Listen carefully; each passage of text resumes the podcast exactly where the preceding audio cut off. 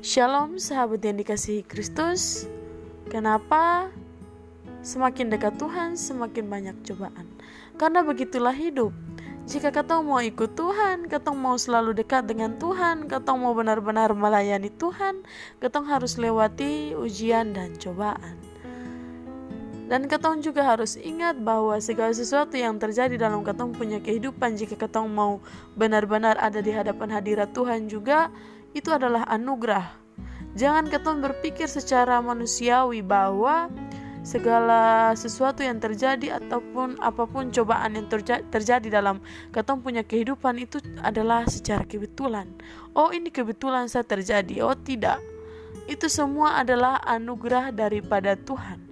Segala sesuatu yang terjadi dalam ketemu punya kehidupan itu atas izin daripada Tuhan, kehendak daripada Tuhan. Tapi kita juga harus selalu ingat, percaya bahwa Tuhan kasih ketong cobaan dan ujian itu sendiri lebih dari ketong punya kemampuan sebagai dia punya anak.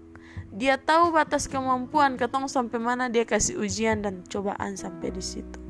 Tapi teman-teman semua yang dikasih di Tuhan, kita juga harus percaya bahwa Tuhan punya janji dalam kita punya kehidupan itu ya dan amin.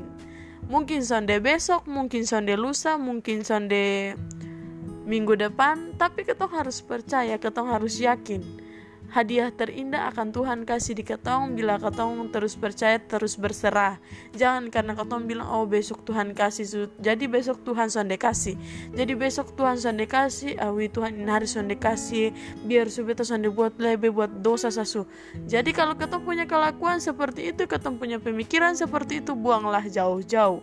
Karena jika ketong punya pemikiran seperti itu maka Tuhan akan menjawab. Namun Tuhan akan melihat juga Apakah kamu bersungguh-sungguh sonde? Apakah kamu punya doa, kamu punya berdoa setiap hari sesuai dengan kamu punya kelakuan atau sonde? Percayalah dan berbuatlah sesuai apa yang kamu minta. Maka Tuhan juga akan berbuat demikian sesuai apa yang kamu minta dan dia akan juga mengkehendaki segala sesuatu yang kamu minta jika kamu bersungguh-sungguh mau melayani, mau ikut Tuhan. Percaya saja janji Tuhan Tuhan ya dan amin. Sekian renungan hari ini. Shalom.